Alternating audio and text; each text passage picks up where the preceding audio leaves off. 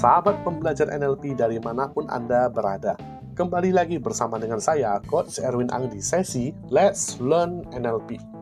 Nah, teman-teman, hari ini kita akan belajar apa itu lead system.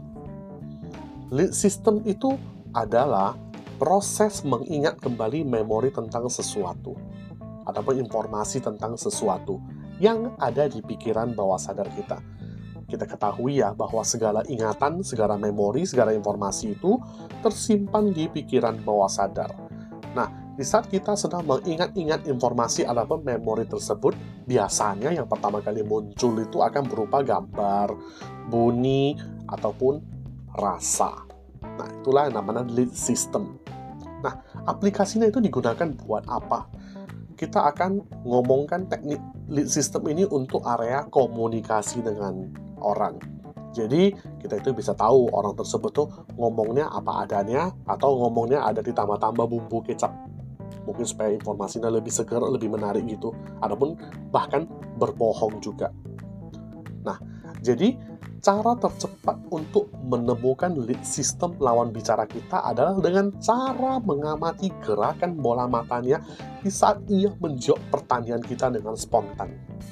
Di kan kita tanya sesuatu ke si A misalnya, itu akan terjadi loading dong bentar, dia pasti mikir loading bentar. Di saat itu akan terjadi gerakan bola mata yang tidak sadar. Nah, di sini kita akan tahu bahwa orang tersebut ngomongnya benar atau tidak benar. Oke, kita akan membahas satu persatu arti gerakan bola mata tersebut.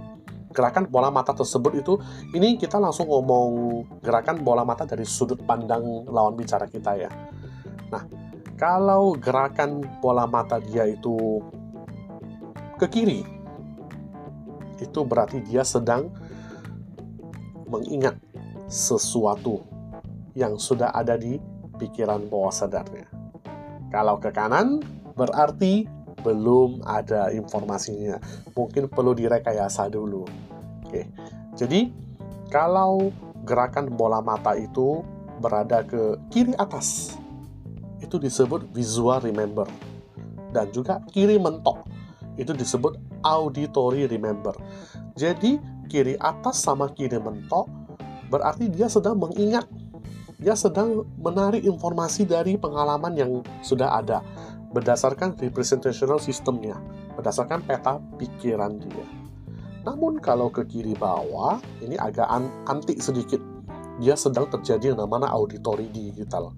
Dia sedang self-talk bertanya ke dalam, weh ini kan rahasia negara ini, boleh nggak digomongkan keluar? Nah, mungkin pada masa itu terjadi sedikit konflik batin, akibatnya loadingnya lebih lama. Nah, kita kan ngomong ke kiri ya, sekarang kita ngomong kalau gerakan bola matanya mendominasi kanan. Kalau dia menuju ke kanan atas, berarti dia sedang merekayasa visualnya atau disebut visual construct.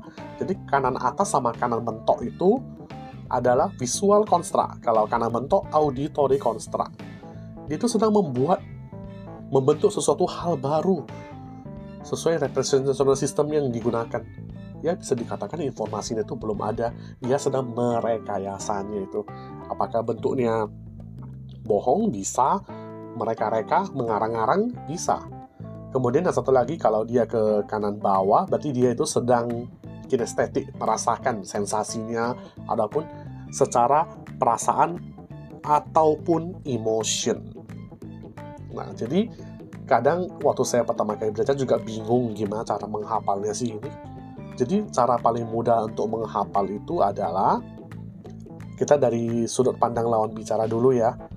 Kalau ke kiri, kalau dia lagi ke kiri, berarti dia sedang mengingat sesuatu yang sudah ada. Kalau ke kanan, berarti belum ada, mau diciptakan dulu informasinya tersebut.